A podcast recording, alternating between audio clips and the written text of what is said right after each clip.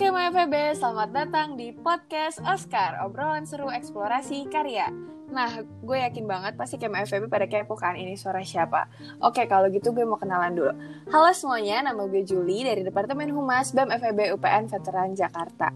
Dan tentunya ngobrol-ngobrol hari ini gue gak bakal sendiri nih guys, karena gue ditemenin sama teman-teman gue dari Humas ada Halo semuanya, gue Nasya dan juga ada Halo semuanya, nama gue Rio. Nah, hari ini gue mau nanya nih ke teman-teman KMA FEB, Nasya dan juga Bang Rio. Kira-kira udah seberapa jenuh sih kalian sama kuliah online kayak gini? Kalau gue sih ya Jul, jujur jenuh banget. Apalagi kuliah online kayak gini nih. Kita cuman di kamar doang, interaksinya cuma sama laptop. Tatapan sama laptop berjam-jam itu bikin capek mata juga, ya nggak sih?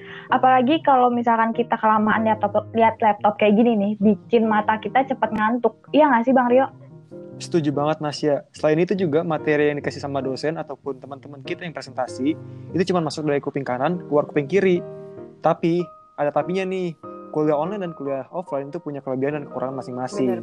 Kalau kalau kuliah online menurut gua ya, untuk orang-orang yang rumahnya jauh itu sangat menguntungkan karena kita tuh bisa bangun tidur buka laptop langsung kuliah. Sedangkan kalau misalkan kita kuliah offline yang rumahnya jauh, Hmm. itu kita harus udah prepare dulu beberapa jam sebelumnya. Relate sih. Gitu sih. benar benar Kalau benar. gimana Jul? Bener-bener gue sama, gue setuju banget sama Bang Rio karena gue sendiri kan yang rumahnya jauh gitu pas kuliah online kayak gini sebenarnya ada positifnya juga buat gue gitu selain gue nggak harus bolak-balik ke kampus yang jaraknya jauh jadi gue bisa langsung kuliah di rumah gitu tapi karena kuliah online sekarang gue ngerasa gue jenuh banget sih sama kayak kalian semua dan gue juga yakin Kema FEB yang lagi denger podcast ini juga pasti jenuh kan nah karena udah terhitung lama banget kita kuliah online gue yakin pasti Kema FEB, Nasya dan juga Bang Rio ada dong momen yang paling dikangenin sebelum pandemi pas kita kuliah offline. Kalau gue nih ya jujur gue kangen banget waktu gue jadi maba. Karena faktanya guys gue tuh belajar di kampus cuma sekitar 8 bulanan. Eh langsung pandemi. Kalau Nasya dan Bang Rio momen apa nih yang paling kalian kangenin? Kalau gue sebenarnya banyak banget sih ya Jul momen-momen yang gue kangenin Mm-mm. sebelum pandemi kayak gini. Apalagi momen main bareng sama teman-teman sih itu kayak kangen banget. Momen ke kampus juga kangen banget gitu kan. Apalagi sebelumnya sebelum pandemi kayak gini gue ngekos nih. Jadi kayak kangen aja gitu rasa-rasa ngekos tuh kayak gimana. Dan juga bener sih kata lu Jul, wak- eh, yang paling dikangenin waktu pas jadi maba sih. Kayak proses adaptasinya itu loh. Karena ngerasa banget perbedaan yang signifikan pas waktu jadi masih pelajar sama pas udah jadi mahasiswa nih. Kalau gue yang paling ngerasa banget sih ternyata cara belajarnya sih yang beda banget. Kenapa beda banget? Karena gimana ya waktu pas jadi SMA kita tuh kayak jadwal belajarnya kayak udah dijadwal gitu loh. Kayak anak SMA nih maksimal pulang jam 5 sore gitu kan. Udah pulang sekolah bersih-bersih, mandi, set-set udah jam 7 malam sampai jam 10 udah dijadwalin buat belajar gitu. Benar-benar. Di atas jam kita tidur. Nah, kalau sekarang udah jadi mahasiswa, udah wah, udah amburadul banget kan jadwal belajar kita. Kayak bisa banget kita tiba-tiba begadang jam 1 sampai jam 3 pagi buat wah ngerjain setuju tugas. banget sih Nah, bahkan gue pernah sampai jam 5 subuh buat ngerjain tugas doang. Kalau kalian gimana nih cara belajar kalian sama waktu jadwal belajar kalian? Oke, setuju banget. Pertama nih sama Nasya, tentang yang SMA itu kita tuh dijadwal. Misalkan dari jam 7 pagi sampai jam 5 sore. Dan jam 7 malam sampai jam setelah kita itu, kita misalkan jalan tugas. Tapi kalau di kuliah, terutama di FEB UPNPJ ini, untuk semester 1 dan semester 2 itu sama kayak SMA. Kita ditentuin eh, matkulnya dan jam-jamnya. Tapi semester 3 ke atas, kita tuh bisa milih sendiri mau jam berapa dan matkul di matkul itu gitu. Jadi untuk pembelajaran kita, waktu belajar kita itu kita harus sudah bisa dewasa. Kita harus bisa menyesuaikan diri gitu. Misalkan gini nih, jam 7 sampai jam 12 kita kuliah. Jam 12 sampai jam 3 kita free time, nggak ada kelas. Tapi jam 3 sampai jam 5 atau jam 3 sampai jam 6 itu kita ada kelas lagi. Jadi tuh kita yang harus bisa mengatur diri kita karena kita udah menuju ke arah dewasa atau malah kuliah itu udah dewasa. Setuju menurut, banget, Menurut gua ya. Nah, kalau Juli gimana? Nah, kalau gue juga merasa sih kayak gitu. Dan lebih kerasanya tuh gue lebih teratur pas mahasiswa sih bener. Karena mahasiswa itu seharusnya sudah bisa ini ya selektif aja gitu. Pilih waktu di mana waktu kita buat me time atau buat santai-santai. Terus di mana waktu kita buat belajar gitu. Mungkin dulu kalau SMA kan lebih banyak mainnya gitu. Masih belum peduli sama eh, kerjaan tugas gitu. Tapi SMA tetap masa-masa indah sih. Gitu sih kalau menurut gue. Benar-benar. Kalau gue flashback lagi nih ke zaman gue SMA. Zaman gue SMA tuh dulu tipikal yang lumayan mendengarkan pelajaran sih. apalagi gue padahal dulu tuh golongan anak yang duduk di bangku belakang pojok kelas tapi setidaknya tuh gue berusaha mendengarkan penjelasan guru sih karena waktu SMA tuh ada zaman zaman guru killer yang di mana kalau misalkan kita ngobrol sedikit pasti kayak langsung ditegur gitu kan sama mereka tapi kalau sekarang kuliah gimana ya kuliah tuh sebelum kita online kayak gini uh, masih kebawa sih habit yang kayak suka nyata, suka denger ngedengerin dosen gitu. Tapi kalau udah online nih, wah maaf banget sih. Kayak kita join Zoom nih, ada kelas pagi, join Zoom, meet tinggal tidur. Tapi kayak maaf banget kayak MyFB jangan ditiru ya. Bener, bener. tapi itu emang relate-nya kenyataannya kayak gini gitu. Kalau misalkan kalian gimana nih? Bang Rio deh tipikal dengerin guru atau dosen atau yang belajar deket ujian aja? Nih pertama setuju banget nih sama Nasya. Yang pertama yang dari SMA killer itu guru killer. Kalau misalkan guru killer pasti kita udah merhatiin banget nih kita fokus gitu.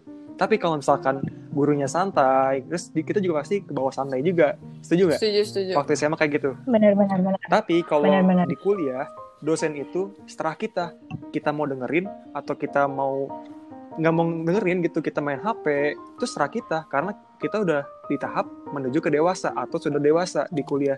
Jadi pemikiran kita tuh ya. harus dewasa. Kalau misalkan kesadaran masing-masing ya? Jadi kalau misalkan kamu kuliah lu kuliah itu tuh lu udah mau tahu gitu lu jalan hidup lu kayak gini gitu. Ini jalan hidup gua jadi gua harus belajar mempersiapkan diri.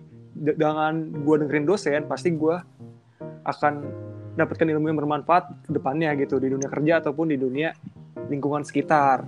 Nah, kalau misalkan untuk belajar dekat ujian aja, kalau misalkan zaman SMA, jujur gue SKS Hamin satu. Baru gue belajar kebut semalam.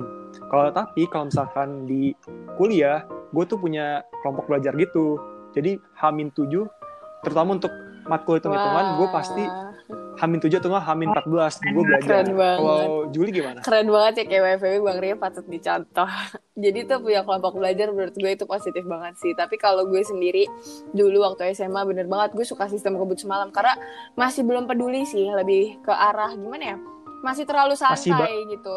Masih remaja. Masih remaja, masih remaja. banget. Nah, sedangkan kalau udah kuliah tuh udah ngerasa udah mulai dewasa, pikirannya juga udah mulai uh, lebih ke depan gitu, jangka panjang. Kalau misalkan gue nggak belajar sekarang, gue nggak akan ngerti. Nanti gue ketinggalan. Lebih kayak gitu sih makanya sekarang gue juga nah, lagi iya. berusaha yeah. untuk gimana caranya bisa nggak dengerin dosen supaya apa yang dosen kasih gue bisa ngerti sampai nanti pas ujian nggak perlu tuh yang namanya sistem kebut semalam karena gue udah cicil dan gue udah mulai ngerti pelajarannya sebelum ada hari ujian itu gitu.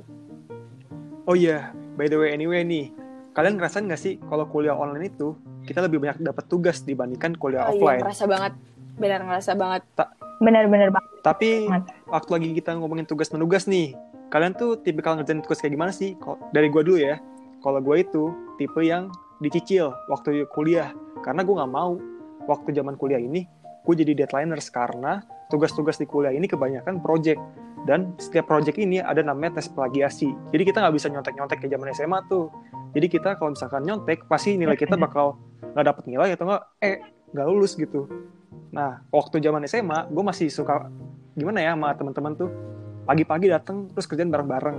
Kalau kalian gimana si Juli gimana nih Juli? Wah gila, kalau ngomongin soal itu dulu SMA nge-copy paste dari punya temen tuh rasa bersalahnya nggak ada. Tapi kalau sekarang mau nge-copy paste baik itu dari artikel di Google mau di mana-mana itu pasti ada rasa deg-degannya karena sekarang itu tuh udah diterapin sistem turnitin di mana itu nggak boleh plagiasi sampai lebih dari 25%. Jadi harus lebih hati-hati di hati-hati sih dan menurut gue kayak kita juga udah dewasa ya, udah kuliah, udah ngerti gitu. Seharusnya kalau menurut gue untuk ngerjain tugas harusnya pede aja gitu sama ide apa yang ada di pikiran kita. Kreatif aja gitu loh, ngeluarin ide, ngerjain tugas sendiri gitu. Cari sumbernya dan lain-lain. Kalau menurut gue sih lebih kayak gitu. Makanya gue tuh nggak mau kayak deadlineers, lebih baik dicicil dari hari-hari sebelum-sebelumnya supaya gue bisa cari sumbernya lebih banyak lagi gitu tanpa harus kayak kalau deadlineers itu kan pasti lo kayak nanya dong ke temen lo kayak eh gue boleh lihat gak tugasnya? Gitu kan biasanya karena dia udah panik udah deadline Pepet, gitu ya? udah kepepet lah gitu istilahnya. Tapi kalau zaman SMA sih emang pasti deadlineer sih karena ya masih kurang peduli aja gitu. Cuman kalau sekarang gue akan terapin di cicil dan gue berharap kayak MFB juga kayak gitu ya guys kalian harus tim yang cicil jangan yang deadlineers karena hasilnya nggak maksimal ya kalau deadline Bener banget, deadline. namanya juga buru-buru. Kalau orang kerjainnya Bener. buru-buru kan pasti ada aja yang kurang. Oke. Bener banget nih kalau deadliners kita mepet dari H-min berapa gitu. Kita ngerjain baru ngerjain kan nggak ada yang expect ke depannya misalkan eh, eh, laptop kita error atau misalkan ada kejadian-kejadian yang nggak terduga lainnya. Ya kan kita ngerugin diri kita sendiri kan kalau misalkan kita ngumpulin telat gitu kan. Padahal dari dosen juga udah dikasih dari H-min sebelumnya gitu dari hari-hari sebelumnya udah dikasih tapi kita pilihan kita sendiri kalau misalkan itu deadliners jangan sampai itu ngerugin diri kita sendiri Bener ya kan banget. Gila sih kalau ingat-ingat masa SMA, jujur kangen banget sih flashback-flashback masa SMA. Dan gue juga jadi eh, keinget lagi ternyata udah banyak banget perubahan yang kita lalui dari mulai kita anak SMA sampai kita jadi mahasiswa. Jadi tuh kerasa banget udah gak kayak anak SMA lagi. Dan gue juga yakin banget pasti perbedaannya tuh nggak cuman cara belajar aja. Ini ada satu lagi nih, pasti cara beradaptasi untuk mencari temen tuh dari SMA ke mahasiswa tuh beda banget. Kalau dari gue sendiri nih ya guys, waktu SMA gue inget banget temen gue itu banyak banget kayak bener-bener banyak banget. Nah tapi gue gak selektif milihnya karena gue masih aja ke bawah ke bawah untuk main terus jarang belajar gitu. Tapi pas jadi mahasiswa gue jadi lebih paham untuk bisa selektif dalam mencari relasi gitu. Jadi bukan berarti milih-milih temen ya kayak sama FEB tapi lebih ke selektif di mana kalian harus cari eh, temen yang benar-benar bawa positive vibes buat kalian. Membuat kalian bisa lebih disiplin bisa lebih rajin ngerjain tugas gitu. Jadi lebih tertata gitu sih. Bukan Lebih maju intinya ah, ya? lebih maju bener banget. Kalian benar-benar gue nggak perlu dikasih tahu lagi harus milih-milih teman kayak gimana. Gue juga yakin kalian semua pasti milih temen tuh yang benar gitu. Maksudnya membawa kalian ke arah lebih baik gue percaya sih. Dan kalau menurut Nasya gimana? Lebih susah beradaptasi SMA atau kuliah? Kalau gue sama banget sih Jul kayak lo karena waktu SMA tuh bener-bener kita nggak mikirin mau temen yang kayak gimana pun juga ya udah kita berteman sama siapa aja gitu.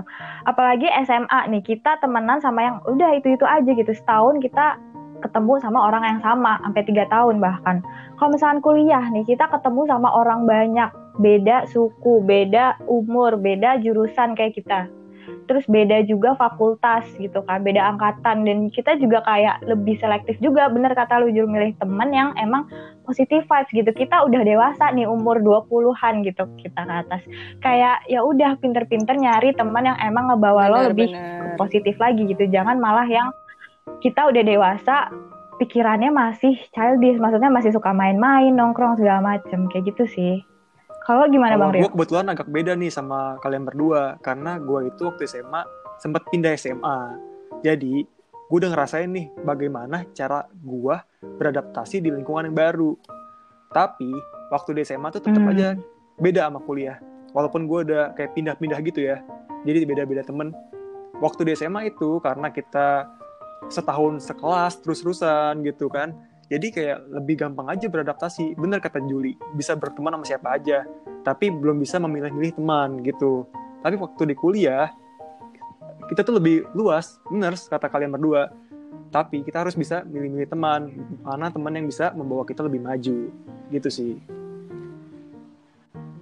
Bener-bener. Terus kalian sadar gak sih pertemanan zaman SMA tuh jauh lebih solid daripada kuliah nih? Karena waktu SMA tuh sesolid itu kan parah. Apalagi nih gue anak sosial gitu kan, anak IPS. Terkenal banget, Iya, mereka tuh solid-solid semua anak gitu IPS loh. gitu. Karena itu Ya juga anak kan? IPS guys, gak anak IPS emang Iya. solid itu. Iya, hidup anak jadi IPS. Jadi Tapi jangan rasis gitu dong, gak bisa kita beda-bedain IPA sama IPS. Oke, ya anak. IPA juga tetap solid Oh, iya, iya. kok, Oke deh. walaupun gue anak IPS. Oke, oke. Sorry.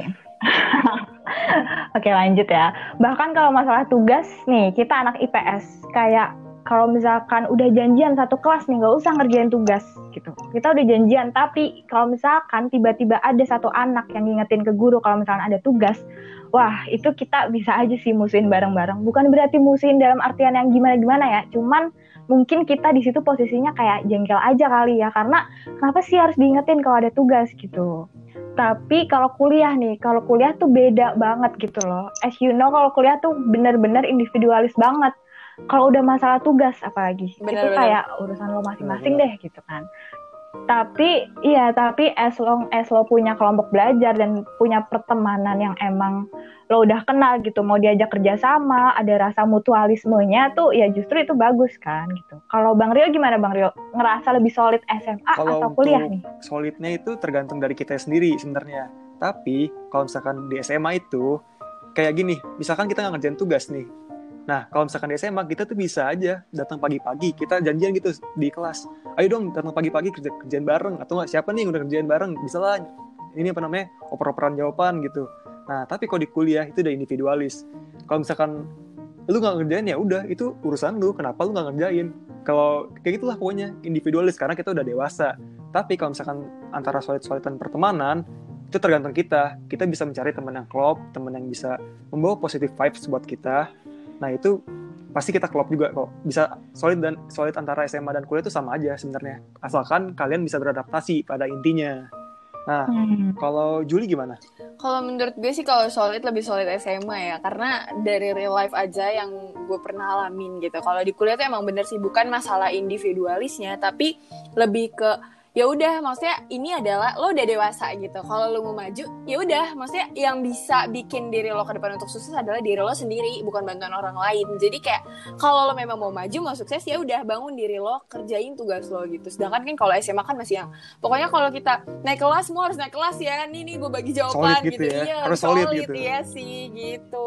Iya, Sedangkan kalau benar-benar kuliah ya solid udah gitu karena nggak ada yang bisa bantu lo selain diri lo sendiri gitu. Ada yang bisa ngangkat lo gitu selain diri lo sendiri. Jadi harus punya kesadaran sendiri kalau ada tugasnya dikerjain gitu sih. Paling kalau mau diskusi sama temen Bener. bisa diskusi tanya jawaban. Mungkin eh, bukan tanya jawaban ya lebih ke minta diajarin kalau kurang paham atau gimana gitu. Tapi bukan yang meminta jawaban langsung gitu. Dan ada juga kan prinsip yang kayak kalau lu ngasih jawaban ke gue gue kasih juga jawaban ke lo. Kuliah lebih kayak gitu sih Pasing-pasingan ya? Ah, ah, lempar-lemparan gitu sih. Itu solidnya Iya. kerasa sih kalau kayak gitu. Kalau lagi ada tugas deadline banget tuh kayak lo udah belum nomor ini lo udah belum nomor ini. Jadi kayak itu solidnya sih kalau di kuliah. Gitu. Oke, seru banget kalau udah ngomongin tentang pertemanan ya, apalagi bahas-bahas tentang SMA nih, jadi kangen banget nih sama masa SMA. Gue tuh biasanya nongkrong atau kumpul-kumpul sama temen tuh kalau misalkan jam kosong atau misalkan di waktu istirahat itu di kantin atau nggak di warung terdekat di dekat SMA. Kalau misalkan pun nggak ada uang, kita tuh masih bisa ngumpul gitu di, di kelas atau nggak di depan kelas. Kita main gitar atau misalkan ngobrol-ngobrol apa aja atau misalkan gosip misalkan. Nah, kalau misalkan di kuliah kan ada tuh namanya eh, free time atau waktu yang senggang antara matkul satu dan matkul kedua. Nah, biasanya gua sama teman-teman gua itu pergi ke kafe. Nah, apalagi di UPN itu tepatnya di Jakarta Selatan ya, bener yang mana banget coffee shop tuh banyak banget, Iya, merajalela iya, gitu, iya, bener. di Cepete gitu, Eh, kan Hmm. itu banyak banget. belok kanan coffee shop belok kiri coffee shop lurus juga Bener coffee banget. shop Depan belakang UPN juga banyak banget Bener, jajanan. Jadi bener. kayak, waduh, gua hedon banget gitu di UPN bisa ngabisin tuh sehari paling minimal minimalnya nih ya lima puluh ribu gitu. Hmm. Kalau misalkan di SMA bisa aja cuma lima ribu atau sepuluh ribu gitu gue. Nah, kalau ke Juli gimana nih? wah kok Borusan mana? Kalau gue sendiri sih mungkin waktu SMA tuh lebih kayak nggak banyak sih ya karena jarang nongkrong gitu. Kalau gue jarang nongkrong dan paling keluar ya Sabtu Minggu gitu weekend jadi nggak terlalu ngeluarin uang banyak. Dan juga kalau misalkan kalau kita SMA kan ya kalau ada jam kosong nggak mungkin ke luar ya guys. Paling juga kita cuman kayak ke kantin gitu, kayak cabut ke kantin atau nggak keluar sekolah beli jajanan gitu doang. Dan jajanan zaman dulu SMA nggak terlalu mahal lah ya karena bukan coffee shop bukan tempat tongkrongan gitu. Tapi kalau misalkan kuliah Kayak sekarang jajanan-jajanan SD ya? Iya, kayak jajanan Jajan- SD, aduh jadi kangen. ya Nah, kalau misalkan pasti. sekarang ya pas kita kuliah gitu bener sih, apalagi kita ada di daerah Jaksel gitu, WD anak Jaksel gitu kan. Jadi kayak eh, belok kanan ada coffee shop, belok kiri ada coffee shop gitu. Jadi kalau ada jam kosong nih, ada jam kosong sedikit pasti kayak eh Iya, kita bener ke mana hari ini gitu. Kadang tuh bisa kita tuh bisa alih-alih mengerjakan tugas, tapi kita nggak tempat tongkrongan gitu sih. Jadi kalau menurut gue lebih borosan kuliah lah pastinya. Tapi, Jul, di UPN tetap bisa kok kita hemat. Benar Jadi benar kayak benar. depan setuju, depan setuju. UPN tuh ada nama yang kayak jajanan-jajanan SD Benar, benar. kayak telur gulung Iya. atau misalkan Ini te- cimol gitu-gitu. ini tergantung ke individunya Iya, sendiri itu ya, tergantung Aduh, jajan apa. yang lengkap loh di depan UPN kayak ada apa sih cilung gitu ya terus ada cilok, ada bahkan kayak minuman-minuman jajanan yang dulu kita kangenin waktu SD Oh, juga juga ada banyak loh kangen banget sama UPN. Waduh, pasti teman-teman yang eh, mahasiswa baru juga belum tahu UPN kayak gimana. Sedikit jelasnya nih, pokoknya jajanan-jajanan masih ada kok, guys. Sumpah. Sampai sekarang. sampai sekarang. Sum mm-mm. Dan kalau ngebahas tentang tempat-tempat main kayak gini nih ya, sumpah kangen banget gue bener-bener kayak sekangen itu gue sama zaman kuliah offline. Sumpah kangen kan guys, kayak Kangen banget. aduh kangen banget. kangen banget. FEB juga banyak Kangen tempat-tempat yang bisa kita datengin buat cuman ngerjain tugas atau tempat ngobrol sama teman-teman atau nongkrong-nongkrong aja gitu. Nah kalau tempat favorit gue nih guys, gue ada tempat favorit di FEB, yaitu adalah ruang baca. Kalau yang kalian tahu ruang baca itu tuh adem guys. Kalau gue tuh suka AC-nya tempat banyak banget. Iya, gue tuh suka AC-nya tempat banyak banget. adem karena lebih ngebuka ngebuka wawasan gue gitu loh. Jadi Iya, kayak iya. gue lebih mudah berpikir gitu. Kalau misalkan eh, suasananya itu enak gitu loh. Dan di ruang baca ini gue biasanya ngerjain tugas. Jadi kalau gue ngerjain tugas di ruang baca tuh gue nggak mau bawa tugas ke rumah gitu biar nggak terlalu pusing ya gue cicil aja deh di ruang baca. Jujur ruang baca tuh emang enak parah sih kalau misalkan nongkrong di situ. Tapi ya kalian harus benar-benar ngerjain tugasnya sih di situ seru gitu. Nah, tapi Karena tempatnya terbatas ya. Iya, tempatnya tuh terbatas. Menurut gue, tapi tetap worth it Iya. lah ya buat kalian yang daripada kalian ngerjain tugas nongkrong tuh kan ngabisin duit Di banyak kafe. tuh. Bener bener. Iya bener kan? banget. Karena karena kita nggak usah perlu ngeluarin duit ya. Iya bener, Hmm. kalian nggak perlu ngeluarin duit di situ. Padahal dapat ada wifi juga, terus kalian tempatnya juga adem. Kurang apa lagi tuh guys? Nah kalau buat gue mau nanya nih sama Nasya, kalau di FEB biasanya tempat nongkrong tuh eh, yang paling lo suka tuh di mana? Kalau gue jujur FEB tuh banyak banget kan tempat-tempat yang bisa kita datengin buat kerjaan tugas nih. Tapi kalau gue pribadi sih ya, FEB Selasar sih favorit gue. Karena jujur itu tempat tuh PW banget buat ngerjain tugas kelompok bareng teman-teman kayak ya udah kita tiduran aja gitu, duduk bareng-bareng di lantai gitu. Dan juga FYI Selasar ini biasanya juga jadi tempat buat organisasi ataupun kayak uh, anak-anak buat ngadain rapat bisa di situ juga gitu. Terus Selasar juga disediain banyak colokan loh di tiap jarak-jarak gitu. Jadi yang buat ngerjain tugas bawa laptop bisa nih kita ngecas di situ. Terus gue kayak suka banget aja gitu hawanya di sana tuh kayak angin banget gitu. Mungkin karena outdoor kali ya, Benar-benar. jadi enak aja. Iya gitu, kayak enak aja gitu hawanya. Terus juga itu kan fasilitas, fasilitas umum ya guys. Jadi kalau misalkan kalian yang ngerjain tugas di situ, please banget mohon di pinggir-pinggir aja. Jadi nggak ngehalangin orang lewat gitu. Kalau gue sih jujur Ucok nggak ada obat. Buat maba yang dengerin ini pasti kayak lucu aja kan. Ucok kayak nama orang Batak, panggilan orang Batak. Tapi guys, sebenarnya di FEB itu ada sebuah ruangan atau tempat terbuka gitu yang ubinnya warna coklat. Oleh karena itu, mahasiswa di sini pada manggilnya ubin coklat atau Ucok. Nah, di Ucok itu paling deket sama namanya Plaza Internet. Plaza Internet itu tempat wifi tercepat di UPN. Jadi kalau misalkan kalian mau ngerjain tugas di waktu-waktu senggang, di waktu-waktu yang nggak ada kelas gitu, kan kadang-kadang ada tuh kalau misalkan di kuliah waktu-waktu senggang itu. Nah, kalian bisa ngerjain di Ucok karena dapat wifi-nya di dari Plaza Internet itu tetap ada di Ucok. Nah, selain itu di Ucok itu biasanya tempat kumpul semua anak-anak FEB dari manajemen, akuntansi, ekonomi pembangunan, ngumpul di situ. Kayak gitu sih. Untuk Kema FEB yang mau tuh lebih lanjut tentang tempat yang tadi gua, Juli dan Nasya udah sebutin, Kema FEB bisa banget nih untuk pantengin dan tungguin terus konten selanjutnya dari BEM FEB UPN VJ. Nah, bener banget nih Bang Rio, apalagi buat kema FEB yang belum sempat datang ke UPN dan belum tahu gimana nih tempat-tempat UPN tuh kayak apa sih gitu. Nanti bakal ada salah satu konten dari kita yang bakal ngasih tahu tentang insight-insight ataupun eh, suasana kayak di dalam UPN tuh kayak apa gitu. Wah, gue sih gak sabaran banget yang pastinya ya buat nungguin konten terbaru dari BEM FEB UPN Veteran Jakarta. Wah, kalau ngebahas soal yang kayak gini-gini bikin gue tambah kangen banget sama kuliah offline, guys. Semoga aja pandemi ini cepat berakhir dan juga kita cepat kuliah offline. Dan kita bisa ketemu satu sama lain deh, kangen-kangenan belajar Amin. lagi di Amin, amin. kampus. Semoga ki- kita juga bisa ketemu sama teman-teman baru yang angkatan 2020 dan juga angkatan 2021. Benar-benar benar. Bener banget. Nah, makasih banget juga nih buat KMFB yang udah ngeluangin waktunya buat ngedengerin podcast kita hari ini. Makasih banget juga buat semuanya yang udah sempetin dan dengerin podcast Oscar perdana kita nih dari BEM FEB Kabinet Eksplorasi Karya. Mohon maaf banget ya teman-teman kalau misalkan banyak uh, salah-salah kata yang nyinggung kalian. Kita di sini buat seru-seruan aja kok dan tujuannya biar lebih dekat lagi nih sama kalian Kema FEB. Betul, makasih banyak udah dengerin podcast Oscar ini. By the way, di depannya masih banyak nih topik-topik yang seru bakal kita bahas selanjutnya. Jadi tungguin terus ya episode selanjutnya dari podcast Oscar. Gue Rio. Gue Nasya. Dan gue Julie pamit. Dan jangan lupa untuk dengerin podcast Oscar yang selanjutnya. Bye. Bye-bye. Bye.